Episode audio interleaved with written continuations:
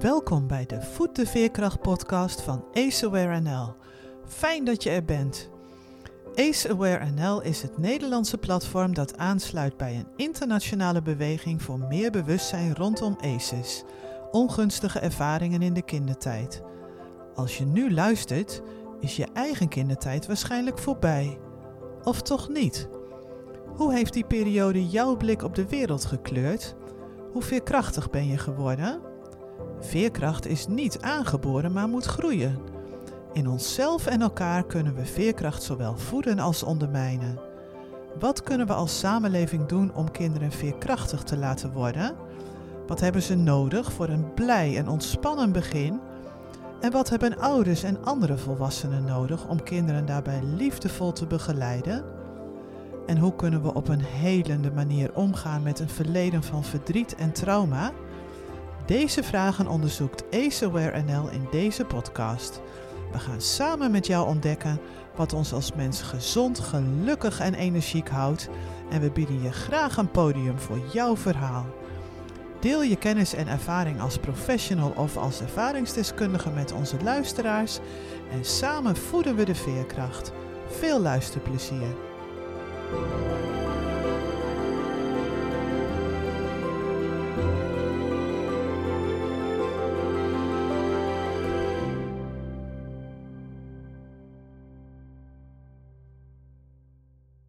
Het is moeilijk terug te halen wanneer ik psycholoog Roseriet Beijers voor het eerst ontmoette.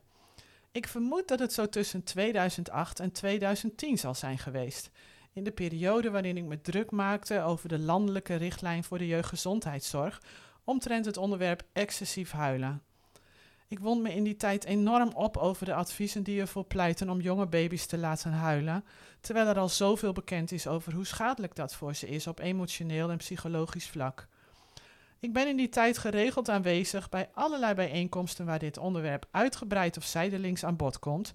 En ik ontmoet daar zowel voor als tegenstanders van een laten huilen beleid.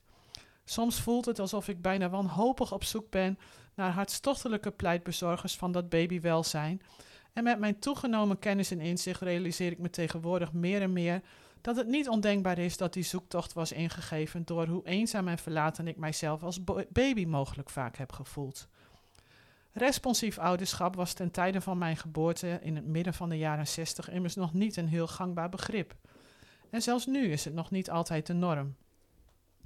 Toen ik onlangs sprak in een expertsessie van de zogenaamde speeltuin van Kind Magazine en ik ter voorbereiding de richtlijn over slapen doorlas, stelde ik tot mijn verdriet namelijk vast dat de compassie voor het totaal afhankelijke pasgeboren kind in sommige documenten nog altijd niet overhoudt. Wat een verademing dus dat mensen als Roseriet specifiek dit onderwerp bij de kop pakken. Als universitair docent is ze verbonden aan de Radboud Universiteit, het Behavioral Science Institute en het Radboud UMC. Ze kijkt in haar onderzoek hoe de vroege omgeving de ontwikkeling en gezondheid van kinderen beïnvloedt, met name via de stress bij de moeders voor de conceptie, tijdens de zwangerschap en in de periode vlak na de geboorte. Ook onderzoekt ze de onderliggende biologische mechanismen in de relaties tussen stress vroeg in het leven en de ontwikkeling van het kind. Gezien de kennis over ACEs, Adverse Childhood Experiences, en over stressregulatie op welzijn, gezondheid en relaties later in het leven, is dit onderzoek dat mij van cruciaal belang lijkt. En ik was dan ook heel erg blij dat Roseriet in de zomer van 2020 vanuit haar rol in het Baby and Child Research Center van de Radboud Universiteit en het Radboud UMC haar naam wilde verbinden aan de ACEWare NL-reactie op de richtlijn ouder-kindrelatie, waarin we met een heel aantal kundige professionals een pleidooi hielden voor meer aandacht voor de biopsychosociale en neurofysiologische aspecten van kindwelzijn. Vandaag ben ik bij Roseriet op de universiteit en gaan we in gesprek over de verschillende onderzoeksprojecten waar ze op dit moment bij betrokken is, over de plannen die ze heeft voor de nabije toekomst en over haar visie op wat er nodig is om de veerkracht in jonge kinderen optimaal te ondersteunen. Welkom Roseriet in de Voet de Veerkracht podcast van Aceware NL. Dankjewel Marjan. Mooie introductie. En ik denk inderdaad, we gaan echt al lang terug, zat ik te denken. Ja, ik weet het echt niet meer welk jaar dat was. ik ook niet. Nee, grappig. Ik denk dat jij nog... Um, misschien niet eens met je PhD begonnen was. Wanneer ben je daarmee begonnen? In 2007, maart 2007. Maart 2007. Oh, misschien was je dan wel net bezig. Denk net begonnen. Oktober 2012 ben ik gepromoveerd. Dus ergens ertussen, denk ja, ik. Ja. ja, ja, ja. Want toen was dat ook wel een belangrijk onderwerp waar jij samen met Sylvia Nocent mee bezig was, hè? Ja. Dat slapen. Ja, het slapen, het, het huilen. Ik heb eigenlijk... ehm, ik ben klinisch opgeleid en ik heb eh, tot kinder- en jeugdpsycholoog. Ik heb ook stage gelopen eh, in een, eh, op een afdeling medisch psychologie in een ziekenhuis. En ik kon daar echt niet overweg met wachtlijsten. Ik vond dat echt wel een heel ding. Dus dat je kinderen ziet, dat je denkt, oh, dit is zo schrijnend. Hier moet iets gebeuren. En dat het dan antwoord is, ja, op een wachtlijst voor een intake. En vanuit de intake op een wachtlijst voor psychodiagnostisch onderzoek. En vanuit de psychodiagnostisch onderzoek misschien een verwijzing. Of op de wachtlijst voor behandeling. Mm. Ja, dat, dat vond ik wel een... eh, ik denk, als ik hier ga werken, dan werk ik mezelf over de kop. Terwijl misschien is dat achteraf, denk je, misschien had je juist... Maar goed, dat was toen, eh, was ik daar te jong voor om daarmee uit de weg te kunnen. Ja, want hoe oud was je toen? Dan? Ik denk 20, 21. Oeh, ja. En toen, eh, mijn toenmalige scriptiebegeleidster Anneloes van Baas, is ook professor in Utrecht nog steeds, eh, zei je moet een PhD gaan doen. En ik dacht echt een PhD, ik had geen idee. Was toen nog tijd nog helemaal niet zo, dat hoorde je nog niet zoveel. En dat heb ik toen gedaan. Dan ben ik hier naar Nijmegen gegaan bij Marjan Rikselwalra van Carolina. Ja. En dan heb ik eigenlijk altijd op dat vroege ontwikkeling, eh, stress tijdens de zwangerschap, Ja. hechting, huilen, slapen, ja, noem maar op. Ja. Want je zegt, dan stonden ze op die wachtlijst. En al die tijd worstelden de ouders dus dat ze de relatie met hun kind eigenlijk niet soepel konden laten verlopen. Ja, wat je ziet in een, eh, in een ziekenhuis, bij een afdeling medische psychologie, is dat je heel veel. ehm, een soort laatste station voor, voor jouw ouders en kinderen. Waar dat ze denken, ja, er is echt iets medisch aan de hand met ons Pietje of Jantje of weet ik veel wie. En dat ze eigenlijk het hele ziekenhuis al hebben gehad. En dan is het laatste eh, stuk, ja, dan gaan we naar de medisch psycholoog. Ah, En dan krijg je ouders met kind, of met name de ouders die echt met de handen over de kaar, weet je wel, de armen over elkaar daar zitten. Met die van ons is niks tussen de oren aan de hand. Want het is hè, incontinentieproblemen of weet ik veel wat. ah. Terwijl als je dan eigenlijk naar wa- wat je daar zag gebeuren, dat je dacht, nou ja, hier is nog wel echt heel veel te halen. Want ik zie een interactie tussen ouder en kind. Ja, er zitten nog echt wel dingen die, eh, eh, Ja, die aandacht verdienen. die aandacht verdienen. Dus dat was al, dus je moest eigenlijk al eerst door die weerstand heen breken. Ja. En dan die ouders meekrijgen. Terwijl in tussentijd was er bijvoorbeeld, er waren genoeg van die verhalen. Bijvoorbeeld, eh, ze waren gespecialiseerd in, in incontinentieproblemen, dus alle poepen en plassen. Nou, dat is ook heel vaak een sein van angst. Hè, dus het eh, of juist heel erg vasthouden of juist laten lopen. Ja, eh, jongens, meisjes die gewoon alle onderbroeken van de hele familie onderhand achter de verwarming en weet ik het wat aan het stoppen zijn. vol natuurlijk. Ik hoef niet in details te treden, maar je krijgt het beeld. Ja, dat, dat, dat, dat soort dingen. En dat je Mm. echt denkt, ja, dat het gewoon drie of vier keer per dag gaat dit. en dat is echt een schrijnend probleem. En een kind kan niet naar school. En, Nee. Want over welke vriendjes. leeftijd hebben we het al? Als je Oh, zegt dus van ze stoppen zagen- de ondergoed achter de verwarming, dan zijn ze al niet zo heel erg klein meer. Nee, wij zagen, ik heb toen niet zo heel veel kleine kinderen gezien. Veel meer zo tussen de 6, 7, 8 Ah. en 13, 14, 15. Oh joh, ja. Maar waar, we ook, waar je ook wel terug kon voeren soms op die eerste duizend dagen. Ja. Hoeft niet altijd. Maar je zag wel echt schrijnende gevallen dat je dacht, jeetje, hier gaat het echt. Het betekent heel veel voor het kind, weet je wel. Ja. En dat het dan gewoon, ja, maar weer op een wachtlijst. En weer een maand, twee maanden verder. En weer een wachtlijst. Ja. Weer twee, twee. En mijn eerste casus, die heb ik van begin tot eind gezien. Ik ben dan negen maanden geweest. En ik had zo'n onderbuikgevoel van, dit meisje is niet geholpen. En dat meisje heeft dus toen ze de behandeling alles was afgesloten, een week daarna een zelfmoordpoging gedaan. En ze was elf. Dus Oh, ik dacht, nee. hier gaan zoveel dingen niet goed. Daar, daar kan ik eh, met mijn 20, 21 eh, niet, eh, nee. Dus toen heb ik dat gewoon afgesloten. Ik denk, hier ben Ja. ik niet op mijn plek. Oh, wat heftig. Ja, Zo'n leeftijd. Maar ik hoor jou een paar dingen zeggen. Je zegt eh, ondergoed verstoppen. Dat betekent dat er ook heel veel schaamte speelde dan bij kinderen. Dat is natuurlijk ook een heel moeilijke emotie voor ze om mee Ja. te dealen. Heel veel angst, schaamte, eh, eh, afsluiten, sociale isolatie, dingen niet meer kunnen doen, niet meer ondernemen. Ja. Ja, dat is, komt echt heel veel bij kijken. Dus eh, het is echt eh ja, schrijnende gevallen waren het. Ja. Ja. En je zegt ehm, in het ziekenhuis op zo'n afdeling is dat dan een beetje, ehm, ja, nou al heel oneerbiedig gezegd, het afvoerputje of de laatste strohalm met Ja. iets meer eh, compassie verwoord. Maar ehm, als er zoveel weerstand is, dan lijkt het me ook heel ingewikkeld om met ouders eh, aan het werk te gaan. Omdat er, ja, als het gevoel is van nu, nu wordt ons ja, een label opgeplakt of zo van het is gek. Eh, Dat, dat leeft dus nog blijkbaar. Dat idee. dat Als je op die dit- afdeling terechtkomt, dan. eh, Ik weet niet of dat inmiddels verbeterd is, hè? want waar ik het nu over heb, dat is eh, 2005, 2006. Dus ook Oh ja, we een hele tijd geleden. Ja, ja, ja, ja. Eh, maar toen de tijd was dat echt wel zo. Ze hadden echt eh, ja, bijna met schroom sleepten zich naar de afdeling medische Ja. psychologie en echt veel weerstand.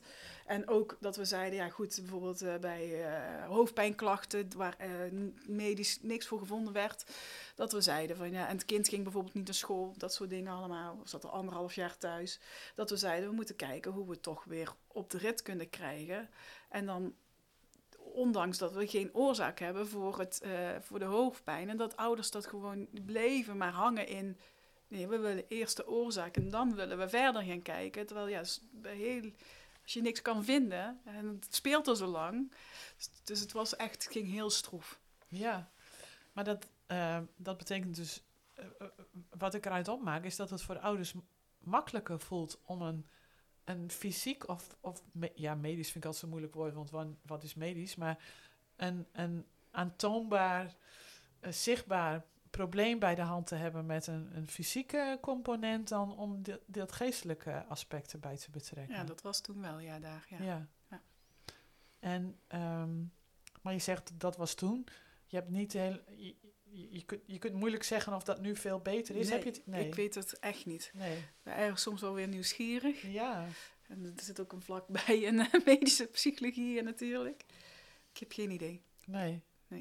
Nee. Want wat zijn de onderzoeken waar je op dit moment eh, de meeste tijd in steekt? Ja, dus ik ben, eh, ik heb, dus wat ik net vertelde, eigenlijk altijd heel veel op, hè, op de vroege omgeving, Ja. hechting, sensitiviteit, stress, eh, huilen, slapen, nou, kinderopvang, noem maar alles opgezeten. En wat ik toen merkte, en dat zijn dus waarschijnlijk zo'n symposium waar ik jou heb leren kennen, Ja.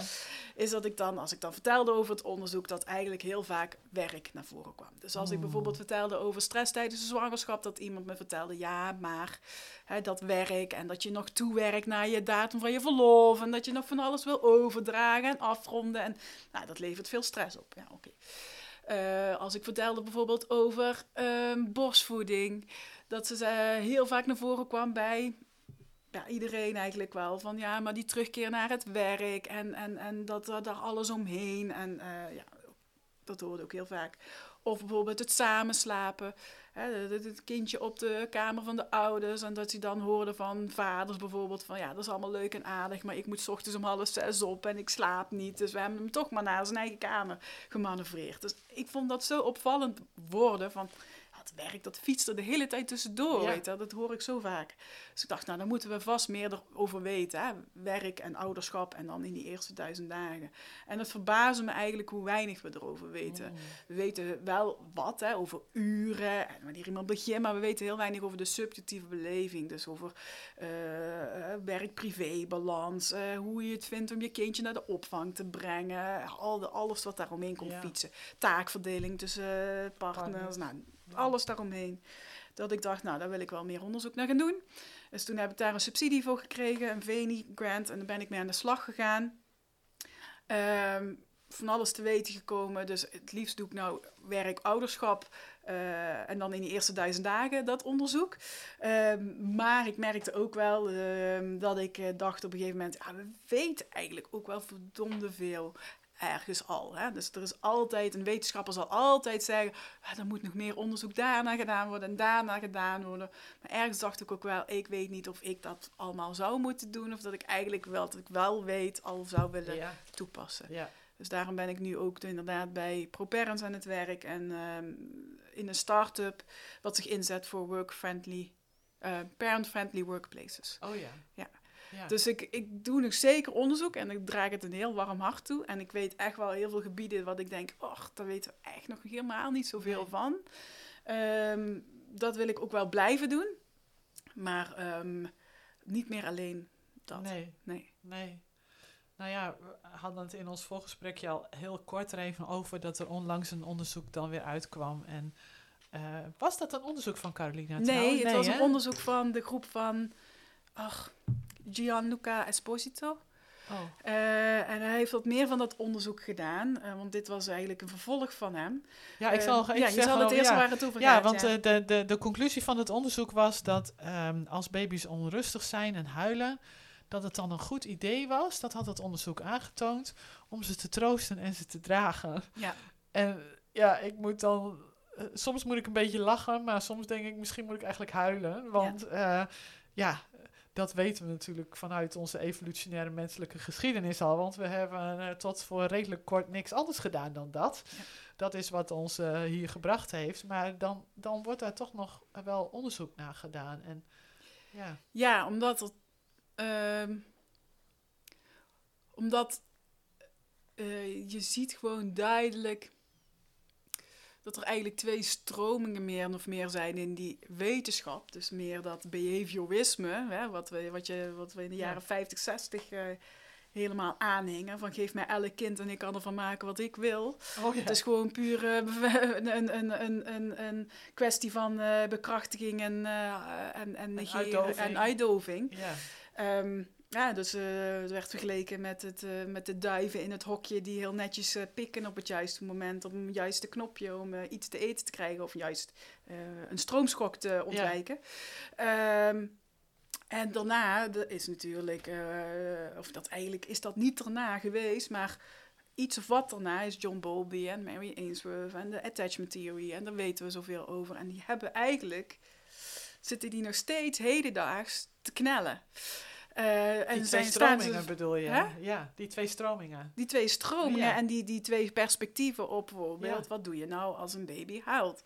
Dus ik denk dat, eh, dat ik niet uit hoef te leggen aan ouders die vaar heus wel van iemand van het kraambezoek of iemand in de omgeving hebben gehoord dat wanneer de baby huilde van je moet niet gaan hoor. Omdat als je de hele tijd gaat, dan weet hij het. En dan eh, moet je dadelijk de hele tijd naar die baby toe. Weet je? Ja. Dat, dat, dat, dat leeft nog ontzettend veel. Ehm, en die twee stromingen zijn er ook nog steeds. En wat je eigenlijk ziet, is dat ze daar eh, met dit soort onderzoek toch nog steeds wel proberen om, om daar wat meer ja, duidelijkheid in te krijgen of zoiets Mm. dergelijks. Mm. Dus dat het dat toch weer wat met cijfertjes te onderleggen en niet met cijfertjes alleen van jaren 50, 60, 70, Ja. 80 onderzoek Ja. Omdat er dan weer, wel weer iemand roept, ja, maar nu is alles anders. Dus Ja. we moeten dat onderzoek Ja. opnieuw doen. Ja, Ja, ja, ja. ja, Ja, dat. En soms is dat natuurlijk ook wel echt zo, dat dingen veranderd zijn en dat, je, dat het waardevol kan zijn. Maar ik, eh, ik sprak met eh Justin Moberg, de, degene die ja, mondiaal bekend is als onderzoeker op het gebied van oxytocine. En ze zegt, we, we kunnen om die, die grondleggers, om die namen niet heen. Hè? We kwamen samen tot een rijtje, zoals inderdaad John Bowlby en Mary Ainsworth en Erickson en nou ja, nog wel een paar. Ehm, er zijn natuurlijk ook mensen die soms zeggen, ach, die John Bowlby het zo achterhaalt.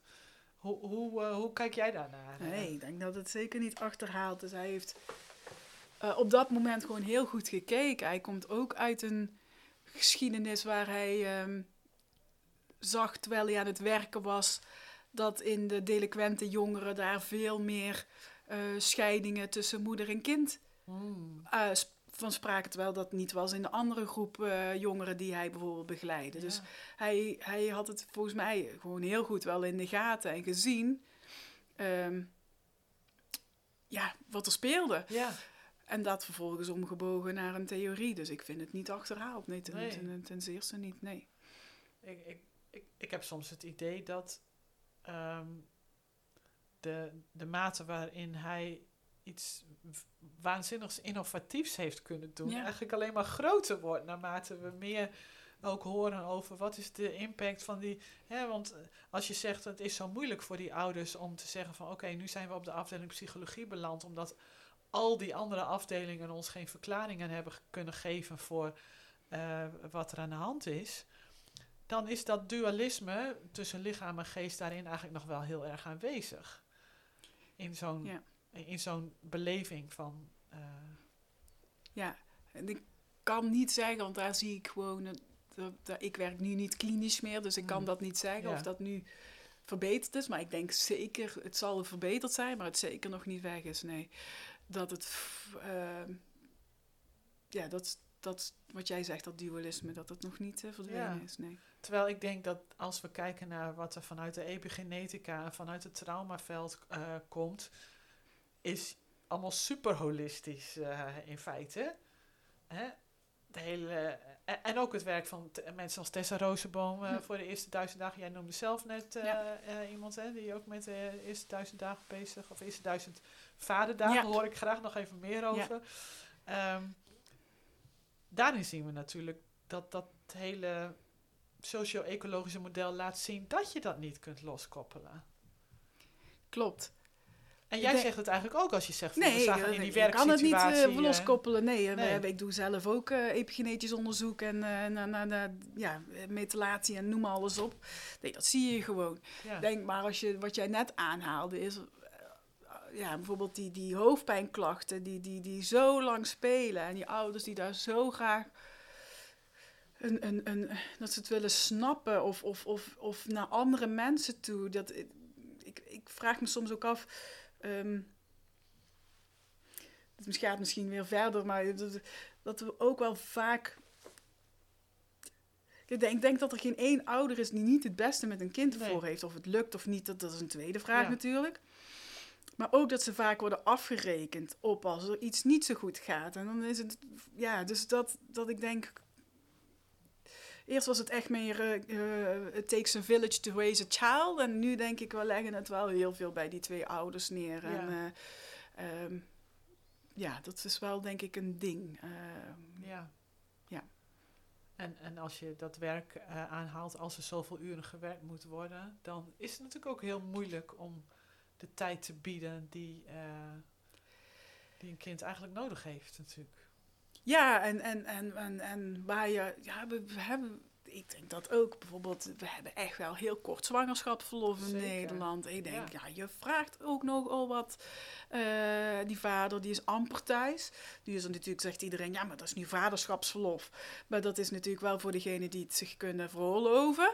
Hè, want we betalen niet 100%, maar maar 70%. En dan Ja. is het nog maar een paar weken. Dus dan zitten ze nog een beetje van, wanneer neem ik dat nou op en hoe doe ik dat nou precies? Eh, laat staan die moeder die na 10, 12 weken ehm, en hersteld moet zijn. En eh, eh, ja, noem maar, het kind eh, je wordt gewoon nog vaak wakker s'nachts. En als je borstvoeding geeft, dan doe je dat ook eh, s s'avonds en s ochtends en s'nachts en noem allemaal maar op. En daarnaast dan verwachten we eigenlijk ehm, dat ze weer vol op het werk is. Zo van, nou ja, we hebben zwangerschapsverlof gehad, je bent eh, thuis geweest en nou gaan we er weer tegenaan, Ja. weet je wel. Ja, Dan denk ik, ja, het is nogal wat allemaal. Dus ehm, ja, dat, daar zit ik wel dat ik denk, ja, misschien vragen we ook gewoon wel te veel. ja. Dat moeten we eigenlijk gewoon helemaal niet willen doen. Nee, en, en dat is natuurlijk eh, eh, een, een, een veel groter vraagstuk dan Ja. eh, hoe, hoe gaan deze twee ouders het voor dit kind Ja. organiseren. Hè? Want dat, dat gaat dan ook over hoe richten we met z'n allen die samenleving in. Want je zei van je gaat voor pro-parents aan de slag. Kan je wat meer vertellen over eh, wat je daar gaat doen en Ja, wat voor dus- organisatie dat is? Dat is dus, eh ProParent zet zich dus in voor ehm, eh, parent-friendly workplaces. Dus het idee is wat je ziet, ehm, ze richten zich nu nog eh, met name op grootzakelijke bedrijven. En wat je heel veel ziet is dat in die eerste duizend dagen dat er heel veel verzuim is, verloop en productieverlies bij werknemers. En dan, dan is daar geen één. ehm, dat is wel een punt bij werkgevers. Wat je ook ziet, is dat eh, het moeilijk is om met name de vrouwen door te laten stromen naar hogere posities en om talenten binnen te halen. En zeker nu met de arbeidskrapte is dat echt een groot ding. Ja. Ehm, en we weten voor dat voor de generatie die nu gaat komen, ik moet me even niet vragen of dat generatie I, Z, weet ik veel wat het is. Eh, weten we dat zij ook echt eh, enorm de diversity en inclusion ehm, Ja. criteria waarderen. Eh, om dat hele set denken wij dat er een integrale benadering, dus dat je een benadering nodig is die zich wel richt op de werknemer zelf, als op de werkgever, als op nog de hogere laag, hè, de personeelszaken of Ja. bedrijfsleiden nodig is, om dat hele stuk Eh, van kinderwens al tot echt ver in de kindertijd Ja. eh, goed eh, te begeleiden. Eh, iedereen de informatie te geven die nodig is over zowel verlof en wetregel, eh, wetgeving als over ehm, herstel van bekkenbodemklachten en eh, noem alles maar op. Echt gewoon de hele reutemeteut. Omdat je eigenlijk vaak ziet dat werkgevers eigenlijk onbewust onbekwaam zijn. Hè? Dus het is niet dat ze nou denken, nou zullen we die werknemer eens lekker gaan pesten, Nee. dat hij ook een baby Nee. krijgt. Nee. Ehm, maar je ziet tegelijkertijd ook dat ze heel vaak met eh, überhaupt het hele stuk eh, van het krijgen van een baby al niet altijd heel goed weten, oké, wat doen we hier nou mee? Laat staan als er uitzonderlijke ehm, Omstandigheden. omstandigheden Ja. zijn. Hè? Wat, wat zeg je, wat doe je nou als er een miskraam, een vroeggeboorte, een slechte Ja. 20 weken echo? Nou, nou, dat lijstje is eindeloos, heel Ja. lang. Ehm, en dat ze het dan gewoon niet weten. En dat dat juist ook vaak voor de werknemer bijvoorbeeld een druppel kan zijn van ja, ik heb hier 10 of 15 jaar klaargestaan. En Ja. nu zeggen ze maar pak maar een paar vakantiedagen en dan kijk maar wanneer je terugkomt. Of eh, wat- is het idee? Ja. Dus ehm, eh, om dat stuk beter te begeleiden. En bij werknemers, bij ouders zie je heel vaak dat ze of niet weten van... Ja, is dit nou normaal, niet normaal? Moet ik hier iets mee? Moet ik hier niks mee? En dat ze bijvoorbeeld met bijvoorbeeld bekkenbodemklachten gewoon te lang doorlopen... waardoor ze uitvallen. Terwijl ze Ja. eerder iets zouden doen eh, zelf of met iemand eh, professionele hulp... dat je hoopt dat je dat voorkomt. Dus het zit ook heel erg ingestoken preventie. Wat, wat ik- doe ik nou? Want dat vroeg jij. Ik ga dat stuk eh, de inhoud doen. En dan met, echt met die wetenschappelijke basis Ja. zodat alles is gefundeerd op de laatste wetenschappelijke inzichten. Ja. Eh, natuurlijk wel met eh, de professionals. Dus we hebben lactatiekundigen, verloskundigen, fysiotherapie, yogadocenten. Dat hebben we allemaal Ja. in onze club zitten. En je zegt, ik ga het inhoudelijke stuk doen, evidence-based. Ehm, is dat dan mm, eh, documenten schrijven voor werkgevers om, om meer zicht te krijgen op wat speelt er? Of, wat? Ja, er komen drie dingen. Dat is een app voor ouders en een dashboard voor leidinggevenden en ook een dashboard voor HR. De app voor ouders die, eh, eh, is een soort thuisarts.nl. Mhm. Dus daar ga je naartoe en dan weet je gewoon, ja, ik, ik kijk hier en ik hoef niet verder te kijken. Dit is, eh, hier kan ik op vertrouwen op deze informatie. Ehm, die houdt dus alles in. Het is met name nog. ehm, artikelen zou het niet doen. Het is meer in de, zelf van, in de zin van eh triagering. Dus korte stukken. Ehm, wat is het? Eh, wanneer is het pluis? Wanneer is het niet pluis? Eh, wat kan ik zelf Ja. doen en wanneer zoek ik hulp? En waar moet ik dan ook heen? Hè? Ja. Naar een goede persoon. Ja. En waar kan ik dan op letten? Eh, bij de leidinggevende dashboard is echt een dashboard. Is meer op de, op de computer zoals je dat kan zien. En daar geef je in, niet alleen, eh, eh, juist niet een zwangerschap, maar een kindjeopkomst. En een kindjeopkomst betekent dat kan zowel voor moeder als vader zijn. En daar hangt een hele lijst van acties en informatie aan vast. Dus je krijgt bijvoorbeeld op 12 weken een berichtje in jouw mail. En dan zegt hij, nou, die werknemer is zoveel weken zwanger. Vraag eens naar de 12 weken Oh. Vul het eh parentplan in. Hè? Dus wat is iemand van plan met het verlof? En hoe wil die Ja. terugkomen aan het werk? En wat is het idee er allemaal bij? En ehm, nog iets, weet ik veel wat. Oh ja, dit zijn bijvoorbeeld de regels voor veilig werken tijdens de zwangerschap. En dan krijg je bijvoorbeeld de 20 weken, oh, de, regels rondom veilig werken veranderen. Eh, 20 echo, weken echo is geweest, informeer daarnaar.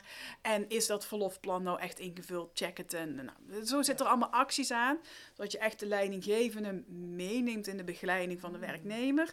Zowel van moeder, vader, same-sex koppels, Ja, alle vormen families ja. die we eh, hebben. Ehm, en dat je de willekeur eruit haalt. Dus het is nu hoor je heel vaak dat eh, werknemers zeggen: ja, ik had mazzel met mijn manager, want Ja, ja. die heeft ook in zijn familie had ook iemand een miskraam, dus die wist het nu wel toevallig of zoiets dergelijks. En dat wil je eruit halen. Dus eh, je hebt eigenlijk, als het goed is, Dat, dat een werknemer niet zo afhankelijk is van of die werkgever of leidinggevende toevallig net op de hoogte is. ja, inderdaad. Iedereen Ah, heeft dezelfde informatie en Ja. dezelfde manier van werken en aanpak. Ja. En, eh, maar je zei het is een start-up. Ja. Betekent dat dat het een private organisatie is? Of hoe, eh, want het is geen overheids... eh, Nee, het is geen Nee. overheid. Het is een social enterprise, zoals ze dat noemen. Oh. Dus een bedrijf met een sociaal oogpunt. Ja, Ehm, Missie, inderdaad, missie. Dat is een betere uh, verwoording. Uh, het is een start-up, dus het wordt nu met name nog gefinancierd, uh, gefinancierd door investeerders. bijvoorbeeld OostNL ehm, investeert in dit soort health tech oplossingen. OostNL? ja, dat is hier in, ehm, in elke provincie heeft zijn eigen investeringsmaatschappij. Ja. En die halen in de provincie van die veelbelovende oplossingen of nieuwe kennis of dat soort dingen. Um, waarvan je gewoon weet dat duurt een tijdje om dat uh, te implementeren. maar dat is, maakt wel echt een groot verschil. Uh, daar investeren zij in. Dus iets wat niet binnen een project financiering kan van zo'n een week, zeg maar iets. Niet binnen vier jaar, maar echt wat, wat als je het duurzaam wil implementeren voor de lange termijn, dan moet je daar aan de basis goed een goede fundering leggen. En dat kost gewoon geld. Ja. Uh, en daarna dan komt dat, ja, gaat komt, het opleveren. Ja, gaat het opleveren. Ja. Ja, ik, ik vind het altijd spannend met dit soort dingen van uh, wie zijn dan de investeerders, hè? En wij weten vanuit de borstvoedingswereld natuurlijk dat allerlei quasi-leuke borstvoedingsondersteuningsdingen gefinancierd worden door de kunstvoedingsindustrie. Ja. Um, ergens zijn dit soort dingen, denk ik, soms ook een overheidstaak of zo. Maar ja, dat is ja, moeilijk natuurlijk. Dat is moeilijk, omdat... Uh, Eigenlijk zeg want dat zegt altijd iedereen, maar dit moet je toch overal hebben, iedereen. Hè? Ik bedoel, nou ja, wat is dit nou voor ons en dat dat binnen... Maar wat, wat natuurlijk, blijft het een bedrijf, hè? Uh, ProParent ook. En het geld is daar in grootzakelijke bedrijven echt waarin echt wel drie, vier, vijfduizend werknemers is dit en een heel groot probleem en willen ze daar wel geld voor vrijmaken. En bij de overheid is, het is al een probleem, maar willen ze er geld voor vrijmaken? Ja, Dat, dat knelt nog ontzettend. Plus hoe ons zorgsysteem is ingeregeld. Uh, dus om dit snel te laten vliegen, is dit een. Uh, maar de uiteindelijke doelen natuurlijk is dit om dat net zo goed bij. Uh, noem eens iets, uh, academische centra of universiteiten of, of gemeentes of weet ik het wat. Maar nu de korte klap om het snel te laten werken is bij dit soort bedrijven. Ja, Nee, ik snap dat. Uh, dat en soms, uh, als je niet afhankelijk bent van allerlei procedurele beperkingen, dan kun je natuurlijk ook veel sneller meters maken. Ja. Het is alleen altijd zo um, ingewikkeld, vind ik, dat de overheid aan de ene kant natuurlijk uh, een enorme begroting heeft voor, de, voor VWS. En daar soms ook nog veel meer geld heen verdwijnt. Of eigenlijk ook nog naartoe zou moeten om alle zorg die, die, die nodig is uh, te bieden. Uh, dan wordt er geredeneerd dat de eerste duizend dagen uh, heel belangrijk zijn. Ik kan me nog een tijd herinneren waar Hugo de Jonge daar een, voor de camera's verscheen met een standpunt daarover. Ik weet niet hoe hij dat geïntegreerd heeft, die, die inzicht de afgelopen jaren. Maar um, aan de ene kant is er dus die claim vanuit de overheid van we vinden die eerste duizend dagen belangrijk. En aan de andere kant zie je heel veel beleid en heel veel ontwikkelingen die het juist heel erg moeilijk maken voor ouders om die eerste duizend dagen goed gestalte te geven. Dat is wel een, uh, ja. uitdaging voor iedereen die daarin springt eigenlijk. Ja, en ik denk nu ook dat bijvoorbeeld de overheid denkt, ja, maar we doen het toch goed, hè, want we hebben kansrijke start en dat soort dingen. Maar dat is nog wel vaak um, toch op, uh, en dat is ook belangrijk, uh, op families hè, die het uh, minder goed hebben ja. en minder financieel um, goed hebben en dat soort dingen. Maar dat wil niet zeggen dat het bij uh, hoogopgeleide nee. geen issue is. Nee. Helemaal nee. niet zelfs. Nee. Dus, en dan ga je dat wel voorbij om, ja. om deze manier. en, en dat vinden wij dat we denken, ja goed, Nee, dat vind ik mooi dat je dat zegt, want ik had ook het idee dat kansrijke start, met wat ik er links en rechts zo over hoorde, zich een beetje ontwikkelde als een, als een instrument voor de lage zes uh, gezinnen, uh, zeg maar. Waarbij er dan ook weer een niet uitgesproken onderliggend idee is over wat je dan zou moeten bereiken en wat in sommige settings niet wordt gerealiseerd en in andere wel. Terwijl daar natuurlijk al daar zit heel grote visieverschillen uh, kunnen zitten. Hè? Ja. Ouders die, die met hele drukke banen uh, uh, nauwelijks tijd hebben om bij de kinderen thuis te zijn. Ja, Ja, maar Wat, ook wat is dan, wat is dan eh, problematisch voor die kinderen? Zeg maar die patat of die pizza eh, Ja. te vaak of, of die afwezigheid te Ja, vaak? maar bijvoorbeeld ook als ik dan hoor eh, bij hele grote, ik noem maar iets, advocatenkantoren, dat ze dan worden gezegd, ja nou, ik vind het heel raar, maar de miskramen en de vroeggeboortes vliegen ons hier om de oren. Komt dat nou echt zoveel voor? Ja. En dat je dan begint af te vragen, ja, of het is gewoon die, die, die ontzettend hoge druk, die ellenlange dagen. Ik bedoel, we hebben nu... eh, ik, ik werk ook samen met Monique Beukering. Zij is bedrijfsarts. Zij is onlangs gepromoveerd. Zij liet bijvoorbeeld zien dat eh, ruim 40% van de zwangeren onder de 20 weken onveilig werkt. En dat is zelfs eh, ruim 60% boven de 20 weken. Oh. En de dingen waar zij aan blootgesteld worden, bijvoorbeeld, ik noem maar iets als een ehm, eh, lange werkdagen, veel Ja. uren, maar ook dingen als werkstress. Ja. Net als van werkstress er wordt, er- is ook van bevonden dat dat kan nagenoeg dezelfde effecten hebben als roken. Ja. Hè, dus dat je, en als je dat dan vertelt tegen mensen, ja, eh, die, die druk en dat eh, stress en lange dagen en, en, en af moeten ronden voor verlof, ehm, is, ehm, is echt, eh, ehm, heeft echt een enorme impact op de zwangerschap. Ja. En dan nog zeggen werkgevers, ja goed, dat is die zwangerschap, dat snap ik. Hè. Mijn werknemer is eerder thuis komen zitten, hè, misschien met, eh, met eh, 26 of 28 of 30 weken. Hè, een zwangerschapsvergiftiging of een eh, eh, dreigende vroeggeboorte of zo. Maar ja, als die moeder dan terug is, dan is het allemaal aan de kant, weet je wel. Ja. Want ja, want dat kind zal mij een rotzorg geweest, weet je.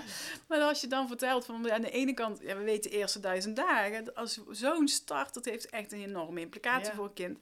Wat allemaal met bijvoorbeeld een vroeggeboorte gepaard gaat, ik weet niet of die werknemer terug is met 10, 12 weken. Nee. Misschien zit hij nog langs de couveuse, Ja. misschien zijn ze Ja. ziekenhuizen in en uit aan het lopen. Misschien is, eh, heeft ze een PTSS van wat er allemaal aan gebeurd is in die, eh, rondom die eh, opname. Nou, noem maar maar op. Dus Ja. dat, Ja. ja. Zeker.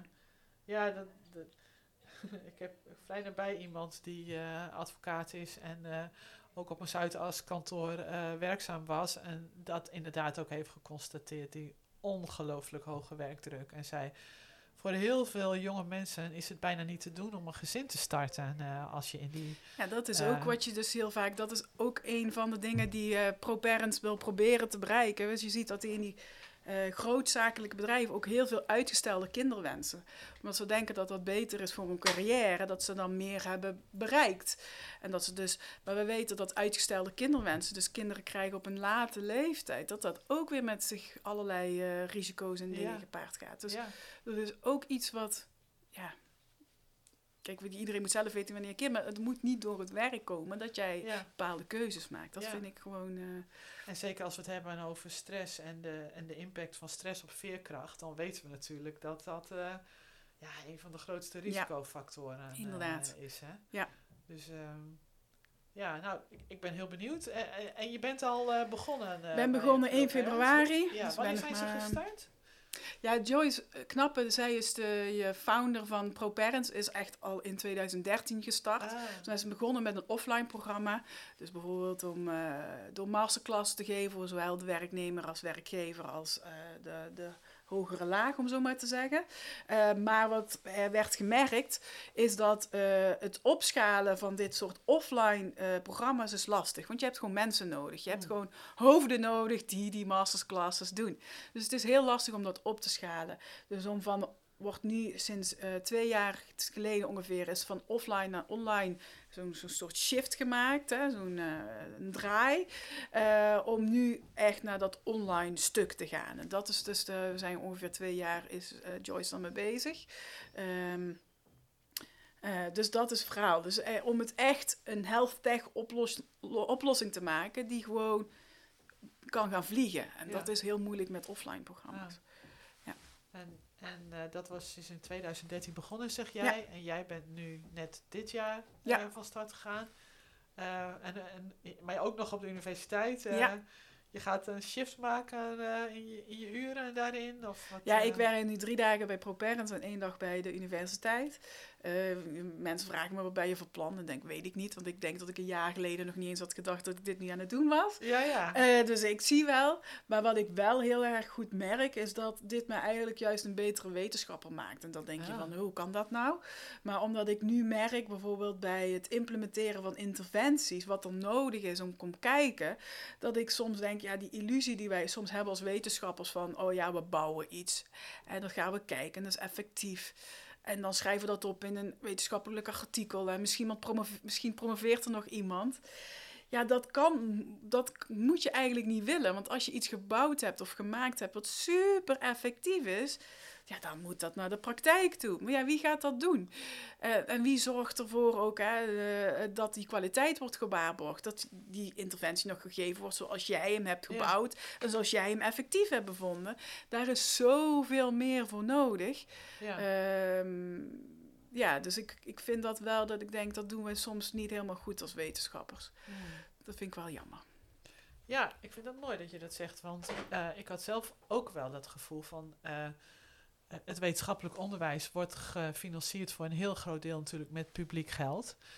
Dus ergens zou je ook eh, ja, mogen verwachten dat dat publieke geld terugstroomt naar de samenleving eh, via het implementeren van de kennis die daar eh, Ja. is opgegaan, Ja. opgedaan. Dus heel vaak, dat zie je nu ook wel, er wordt er gezegd, ja, valorisatie is belangrijk. Hè? Dat wij als wetenschappers meer bewust van zijn, dat we naar de praktijk... Maar eh, ik vind dat dat wordt nog een stuk teruggebracht. En misschien eh, stoot ik nu wel wetenschappers voor het hoofd. Van ja, als ik eh, een persbericht heb uitgestuurd... of ik sta met mijn met mijn naam in de krant of met mijn hoofd op televisie... dan doe ik het dat klaar. wel. Oh, ja. Maar dat is dus niet zo. Want ja, wie- wie weet het nou dat jij die interventie hebt gebouwd en dat die bij jou op die boekenplank ligt? ja. Ja, iemand anders in Amerika die toevallig jouw artikel heeft gelezen, misschien wel of misschien niet. En, da- en daar denk ik, daar moeten we eigenlijk echt eh, stappen maken. ja. Meer doen. Ik heb eh, met eh AceWare NL een licentie voor de film Resilience. Ken Die jij de film? niet. Nee. Oh, ik moet een keer komen bij Ja, jullie daar ja. bij ProParents. Ja, Dan kunnen we met elkaar naar die film gaan kijken. Die is echt... Ik heb, ik heb zelf de Nederlandse ondertiteling daarvoor gemaakt via het transcript. En regeltje voor regeltje. Echt uh, monnikenwerk. eh, maar eh, dat maakt de film nu veel toegankelijker voor veel mensen. Eh, maar daarin spreekt onder andere eh, Jack Shonkoff. Eh, die ken je misschien. Ja, ja, de, die term toxic ja. stress Yes, gecoind. yes. En ehm, hij zegt: Het is een illusie om te denken dat je een eh, wetenschappelijk paper in de krant kunt publiceren en dat iedereen dan begrijpt waar het over gaat. Ja. Dat hoor ik jou nou eigenlijk ook eh, beetje zeggen. Ja, en dan zou je, zou je het in de krant publiceren en zou iedereen weten waar het om gaat, dan is het nog een illusie om te denken, oké, daar pakt iemand wel op en die doet er wel iets mee. ja, Als jij daar niet actief achteraan gaat. ja. Want dat, eh, dat gebeurt misschien wel, maar, maar niet zoveel. Zoals ik een voorbeeld kan geven, wij hebben dus een... eh, eh, want steek mijn hand in eigen boezem. Ik vind het makkelijker om een voorbeeld van mezelf te geven. We hebben ehm, gekeken naar huid-op-huid contact bij voldragen kinderen. Dus we weten bij preterms, doet van alle handen fantastische dingen. Echt gewoon geweldig, dat hoef ik niemand te vertellen. Bij kinderen weten we ook hè, de eerste gouden uur en de eerste dagen. Maar eigenlijk zijn er eh, niemand in Nederland die zegt... nou, zal ik eens, eh, bij, mijn baby is vier weken oud... zal ik eens een tijdje huid-op-huid contact doen. Dat wordt Ja. eigenlijk helemaal niet Ja. gedaan. Hè? Eh, wij hebben dat ook gekeken in onze controlegroep. Dat doet niemand eigenlijk. Nee, Nee, dat doet gewoon niemand. Nee. Nee, dus wij dachten, nou, wat nou als je de eerste vijf weken gewoon een uurtje per dag dat zou doen?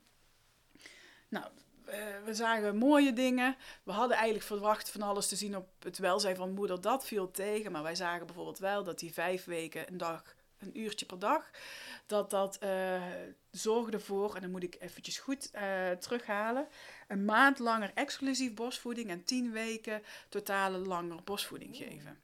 En we hebben daarbij gecontroleerd ook nog Al bijvoorbeeld, substantieel eh, verschil. ja, dat is een substantieel.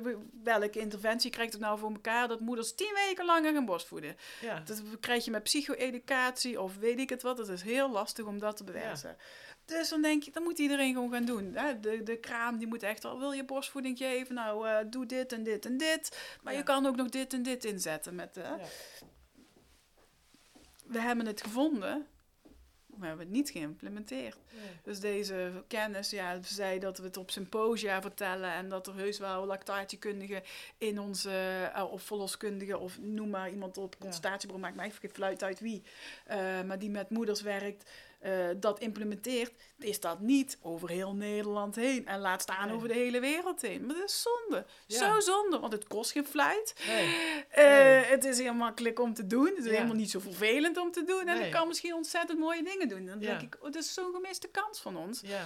Maar wij en dan, dan heb je het uh, zelfs eigenlijk nog over redelijk korte termijn effecten ook. Hè? Want wat de impact op de op de hechting en op de emotionele respons is en op het gevoel van veiligheid en geborgenheid dat zijn allemaal dingen die veel moeilijker te meten zijn, maar waarvan je logisch kunt beredeneren dat het daar ook positief ja. voor uitwerkt. We hebben wel een nameting op drie maanden, drie maanden, drie jaar gedaan ook.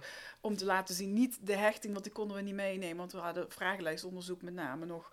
Maar wel bijvoorbeeld hè, de gedragsproblemen bij het kind, en internaliserend en externaliserend, was het laamlagen.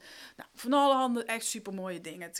wat je zou verwachten, deed het ook. En, oh ja. Uh, nou, maar daar stopt het dan, want, wij zijn dan wetenschappers en dan denken we, ja, oké, okay, uh, hoe, hoe, brengen we dit nou naar iedereen? Ja. We, we, we, presenteren inderdaad op symposia, congressen, dat, dat, doen we allemaal wel. Maar om het echt bijvoorbeeld in een onderwijsprogramma ja. of in scholing ja. van, ja, dat weten wij niet zo goed. Nee. Uh, en dat vind ik eigenlijk wel echt een gemiste kans. Dan denk ik, ja, dat is gewoon... Maar ja, dan wordt er eigenlijk gezegd, een wetenschapper zou zeggen, ja, dat was dat ene onderzoek, je moet eigenlijk nog meer onderzoek doen.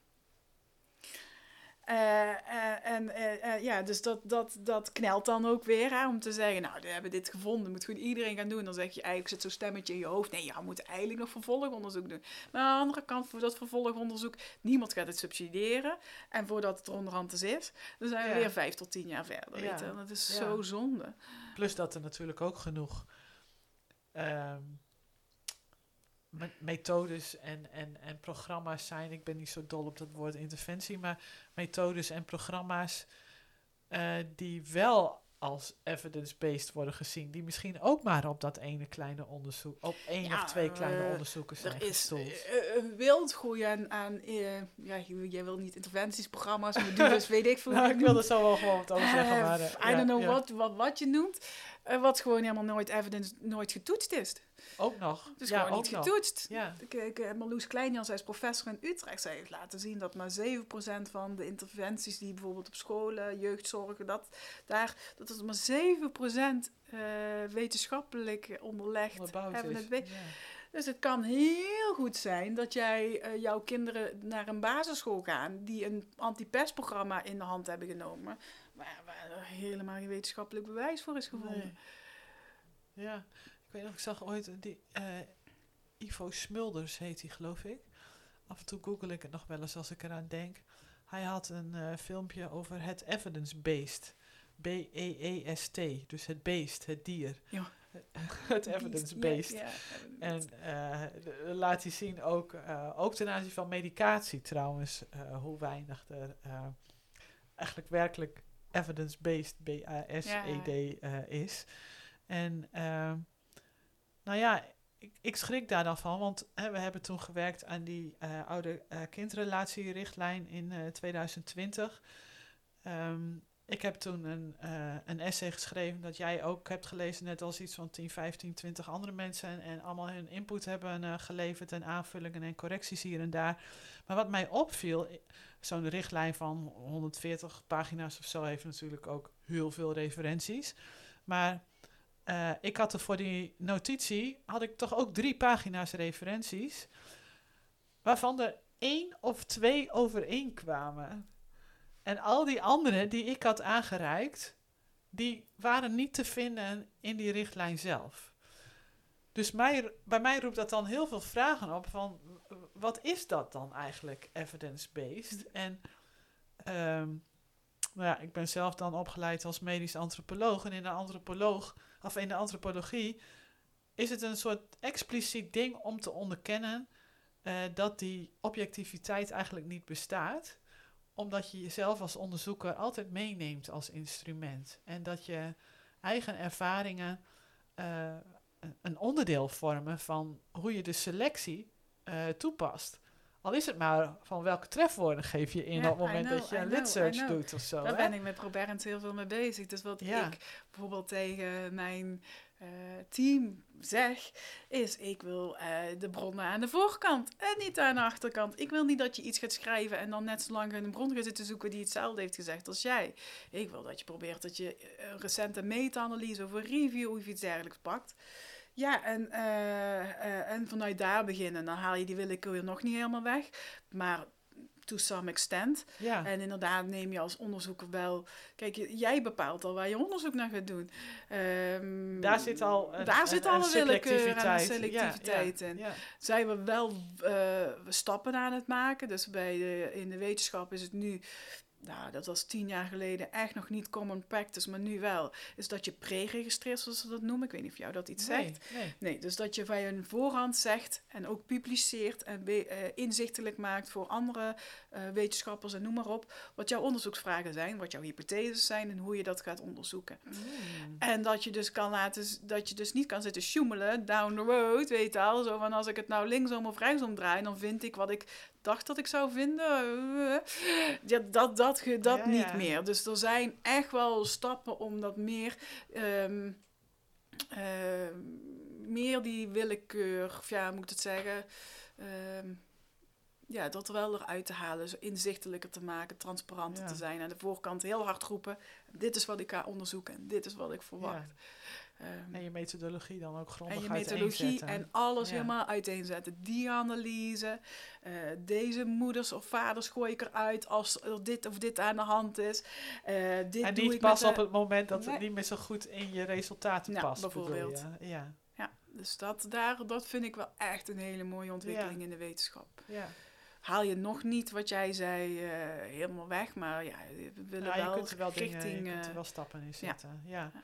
Nou, ik, ik vond het wel mooi dat je zo straks zei van eh, dat werken in een organisatie als deze maakt mij een eh, betere wetenschapper. Ik weet niet precies ja. wat je definitie dan is, maar ik kan me, ik, ik kan me wel iets voorstellen bij eh, dat wat je inbrengt vanuit die wetenschappelijke inzichten in een setting waar, die, waar dat niet zo gebruikelijk nog is. Overigens geldt het omgekeerde waarschijnlijk ook, hè? Meer mensen uit de praktijk die in de academische setting wat gaan doen. Die kruisbestuiving zou eigenlijk zo mooi zijn, maar is de uitstroom uit de academie naar het bedrijfsleven is denk ik veel groter dan andersom. Ik heb Ja. geen cijfers, maar ja, dat eh, denk ik denk ik dat het heel moeilijk is om terug te komen als je er een keer uit bent, of niet? Ja, ligt eraan waar, waarin je weer terug wil komen. Wil je terugkomen als student of PhD-student of als eh university Nou ja, als docent al met name Ja, denken. Nou ja, we hebben wel echt ook hier steeds meer eh, docenten die gewoon echt in de praktijk eh, drie, vier dagen, die, daar zijn we juist heel zuinig op, patiënten zien, cliënten zien, is cognitieve... En, Ja. dat, da, en dan nog één dag bij ons werkgroepen, gespreksvaardigheden Ah, of dergelijke geven. En zij, wat gewoon super is, smullen voor de studenten kunnen zeggen, nou, afgelopen week had ik zo iemand en Ah. dan zag ik dit en dan kwam ik dit tegen en... Ja. eh, hoe zouden jullie dat oplossen? En dat ze Oh, erover geweldig. nadenken. En ja, hoe heb ik dat opgelost uiteindelijk? En eh, ja, daar, daar zijn we steeds. eh.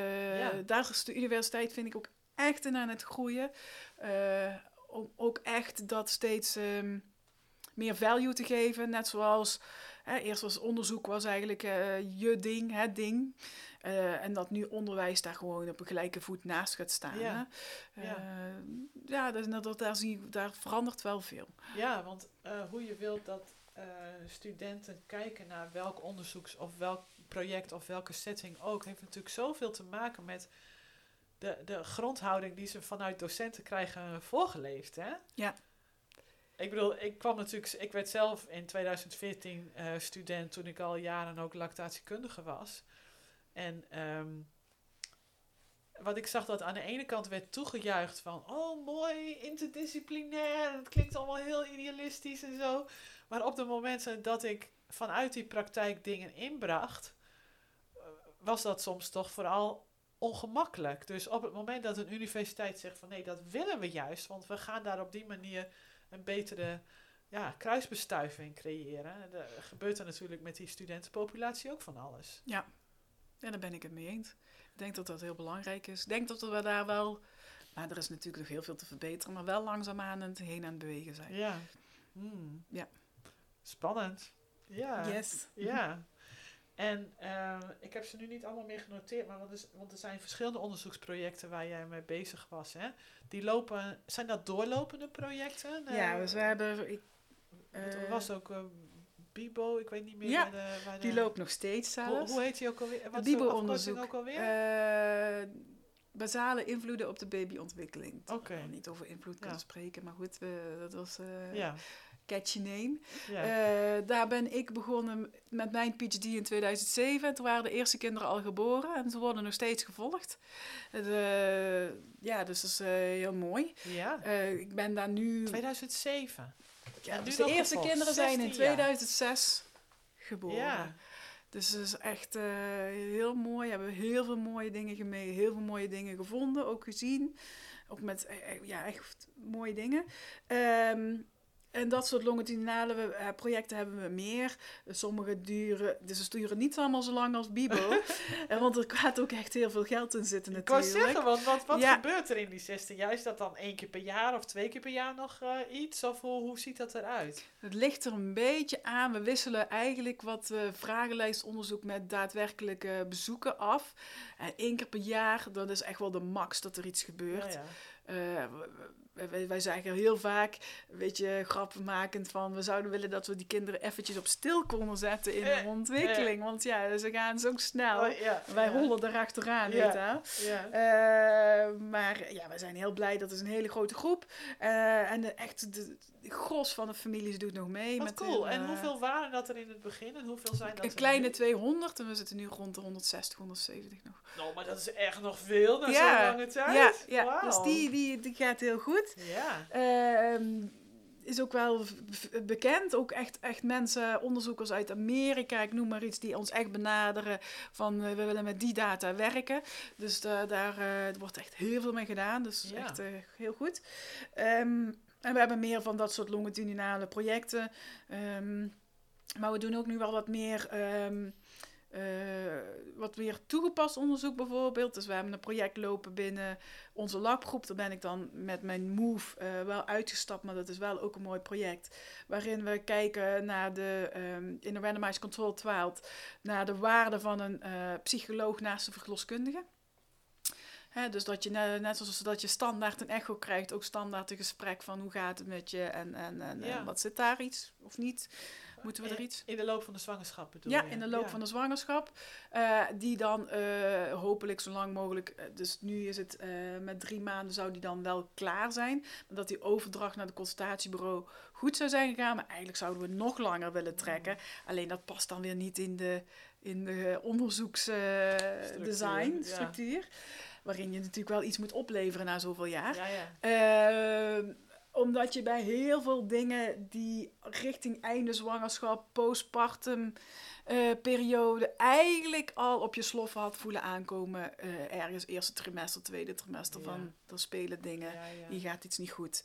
En als we nou toch iets eerder hadden gedaan, dan had het niet zo ver of zo fout hoeven gaan. Dus dat vind ik ook een mooi onderzoek. En we hebben bijvoorbeeld ook onderzoeken lopen in het ziekenhuis.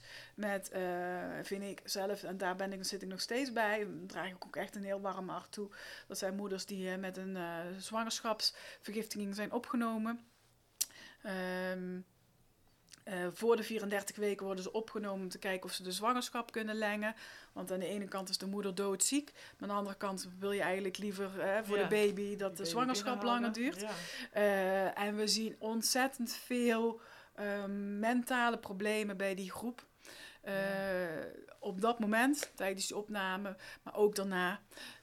Oh, dat- maar dat vind ik wel interessant. Je zegt, je ziet veel mentale problemen. Ja. Die, die ontstaan door de, die situatie of die de situatie hebben laten ontstaan? Dat is dus de vraag. Of is dat de... Ja. Dat is de vraag. Dat dus de vraag. eh, wat ons, eh, want dit onderzoek is eh, ontstaan door een gesprek met Fred Lotgering. En dat die is al, oh, ik wil zeggen, al lang met pensioen, maar al een tijdje met pensioen. Hij was toen de afdelingshoofd van de afdeling ehm obstetrie. En hij zei, ja, ik krijg die moeders binnen en het is alsof ik op mijn vingers af kan tellen welke moeder ik kan lengen Ah, en welke moeder niet. Er zit al iets bij die opname, waardoor ik eigenlijk al weet, hier gaan we proberen, maar het zal niet goed werken. En hij zei, ik denk dat dat iets heeft met te maken met een mentale gesteldheid. Ja. En we hebben dat ook gewoon daarna onderzoek naar gedaan en we hebben het gevonden. En we hebben niet alleen gevonden naar wat ze rapporteren, dus hoe ze binnenkomen, hoe angstig, hoe depressief, hoe gestrest ze zijn. Maar we hebben ook gekeken naar cortisolniveaus in haar. Ah ja. En zelfs de cortisolniveaus in haar, zelfs als we teruggaan in de tijd, hè, want je haar groeit 1 centimeter per maand, dus je kan terug in de tijd. Ah ja. Preconceptioneel konden wij al voorspellen, op basis van de cortisol in de haar, hoe lang we die moeders konden rekken als ze eenmaal zijn Nee. opgenomen. Dus ik denk dat er. eh, maar aan de andere kant, als je moeders vraagt postpartum, eh, hoe gaat het met jullie? En ze hebben een zwangerschapsvergiftiging gehad, hoor je ook wel heel veel PTSS-achtige ehm, Hmm. symptomen, klachten. Hè, van hè, wat me, dit, ik, ik ging s'morgens lekker eh, zonder erg zeg maar, naar mijn verloskundige en daarna zou ik gaan werken. En in één keer moet ik met spoed en alle geweld naar het ziekenhuis. Dan word ik opgenomen, lig ik daar, ik weet niet hoe, ik weet niet wat, ik ben doodziek. Ik weet niet waar het heen gaat, ik weet niet of mijn kind gezond is. En dat je dat soort dingen hè, hoort erna, dat dat heel erg speelt. Hè, dat ze heel erg lopen te worstelen met een volgende kinderwens, wel Ja. niet. eh. dus ik denk dat er niet echt een kip en het ei is, maar dat het een, eh, Ja. ja, Voor, voortdurend. ja. Ja. dus het is een hele ja, een groep waarin wel echt ook nog ehm, echt dat onderkend wordt. En niet alleen voor de moeder, maar ook voor de vaders. Dus je hoort bijvoorbeeld vaders met een moeder die in één keer op is genomen voor zwangerschapsvergift. Dus ze zijn heel erg bang, want misschien raken ze wel bijna alle twee kwijt. Wat Ja. is de uitkomst? Waar gaat het heen? Heel veel onzekerheid. En dat je echt, als je vaders erna spreekt, dat ze gewoon echt huilen, weet dat ze echt gewoon aangedaan zijn. En dat ze het toch helemaal niet verwerkt hebben, bijvoorbeeld. Nee. Als je zo zes, zeven, acht maanden erna spreekt. Ja. Dus Ja. eh, er zit een groep waar nog veel nog nodig is. Ja, want je zegt eh, die cortisol in dat haar. Begrijp ik van jou dat, eh, dat de cortisol levels in je haar verschillen? Dicht bij je hoofdhuid en verder naar beneden? Of Nee, hoe- dus wat je, wat je haar groeit 1 centimeter per maand. Ja, Dus ik kan eigenlijk, als ik een haar uittrek, ja, vanaf mijn schedel terug gaan tellen. Van, oh, dit is de eerste, meest recente maand. Dus Ja. eh, we zitten nu begin juni. Dus mijn eerste centimeter is mei.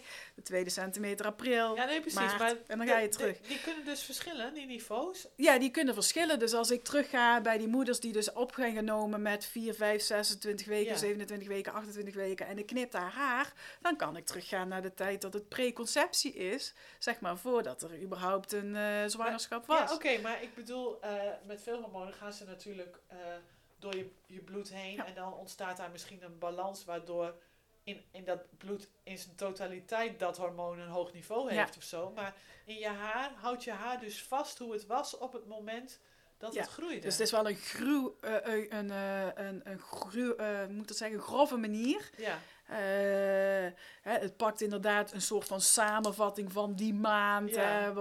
Het ligt er ook aan hoe kort je het knipt. Hè. Je kan ook maar, een, maar je kan het ook in drie maanden knippen. ja, Eh, dus het is wel een grove maat.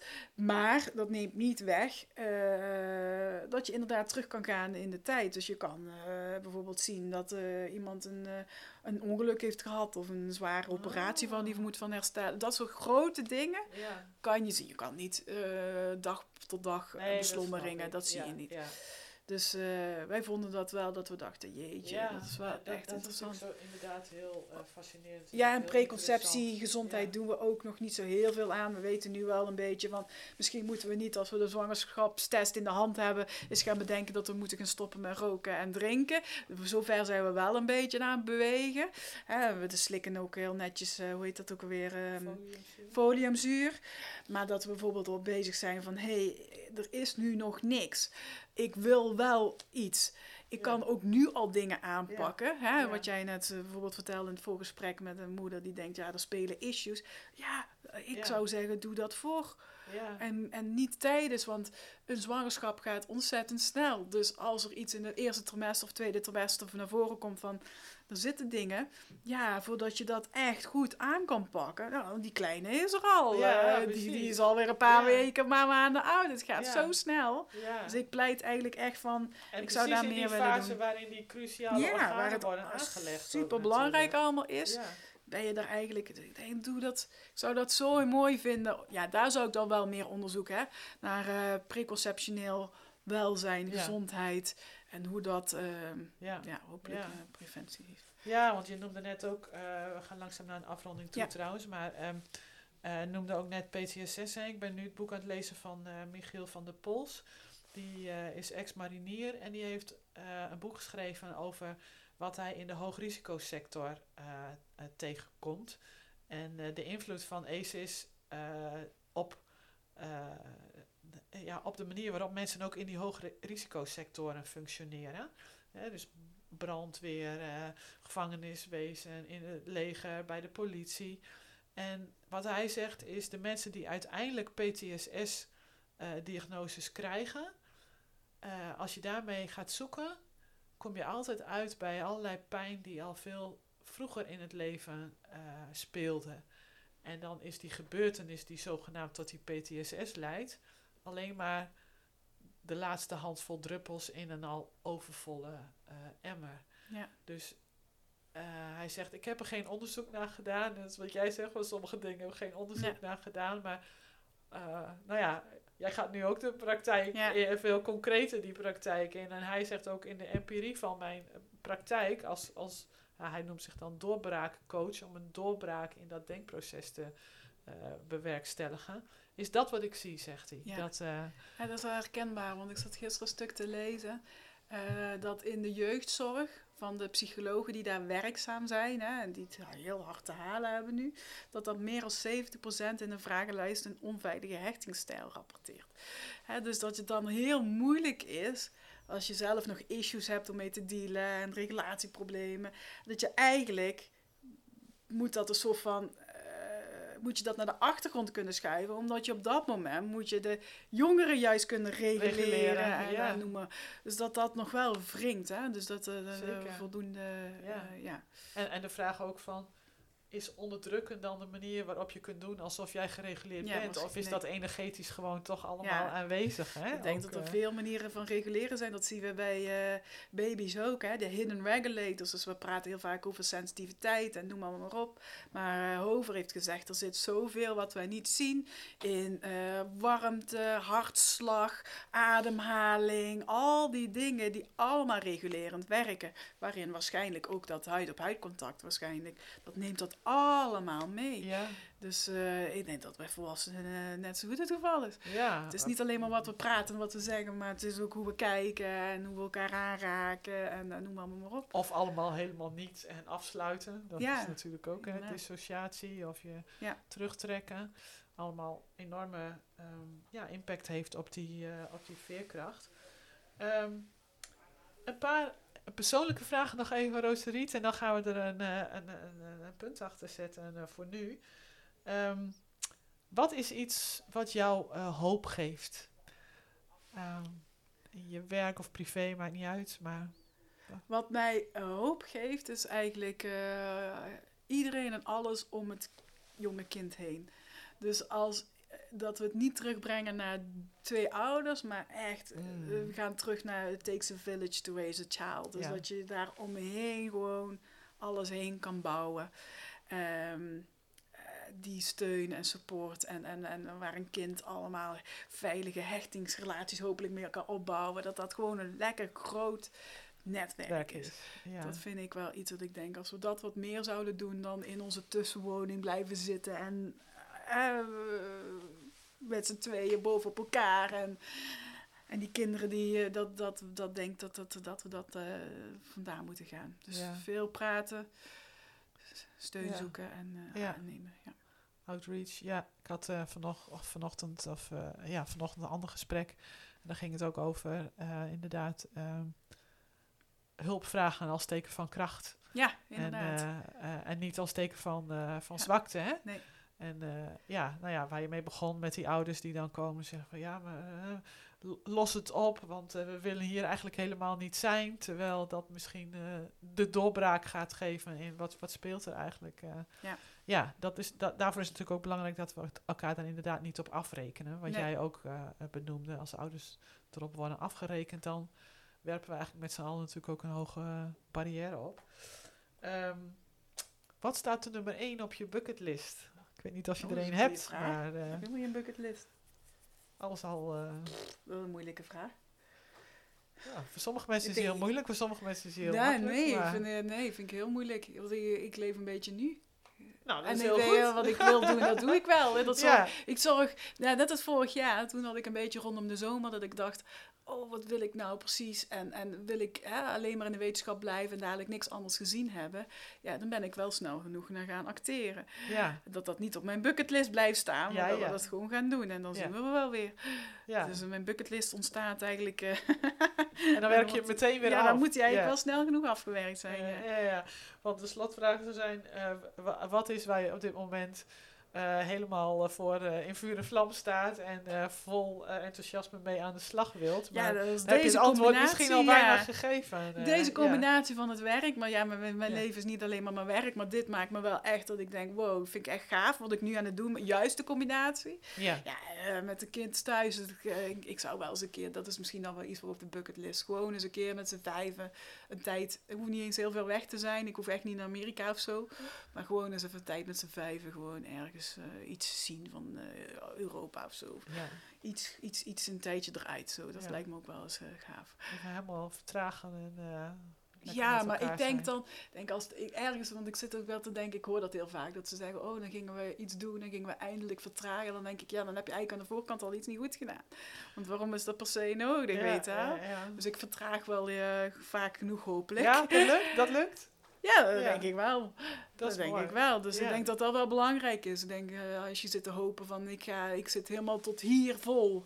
Eh, ik zie het niet meer zitten, maar ik over twee jaar ga ik met sabbatical. Dan denk ik, Ja, ja. Dat, gaat, dat gaat niet goed komen. Ja, Dus Ja. eh, nee. ja. Dus als, we die, hè, als we die elasticiteit of die veerkracht zo ver oprekken... ja, nee. dan, dan stort hij op een gegeven moment ook in. ja, en ik had, dat we- hebben ze me binnen ProParent een filmpje laten zien en ik ben de naam kwijt van een profeet of iets dergelijks.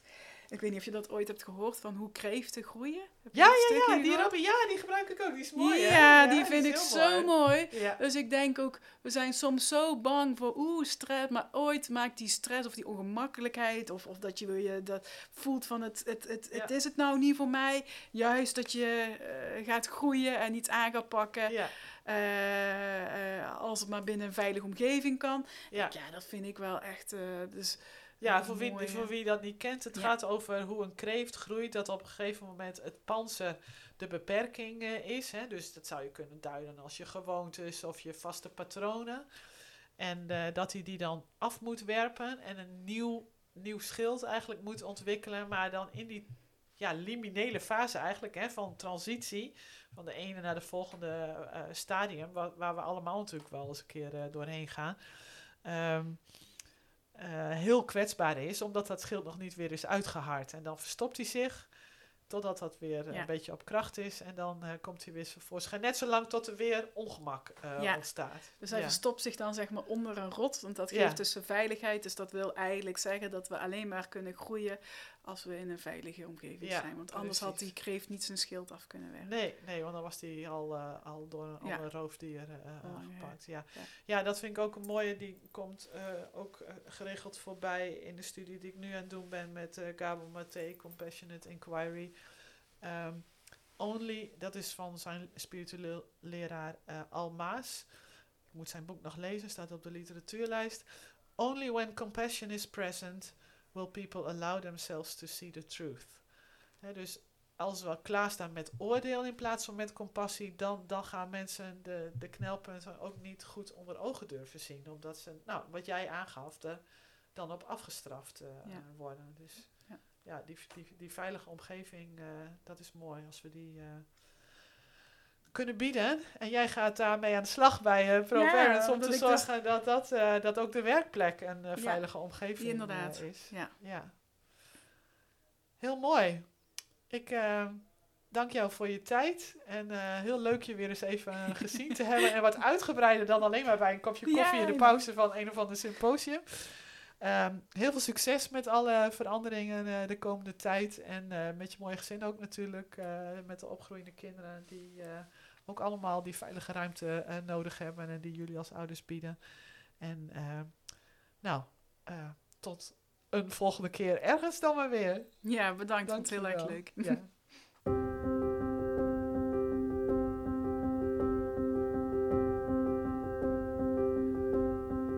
Dit was een aflevering van de Voed de Veerkracht podcast van Ace Aware NL. Heb je inspiratie opgedaan?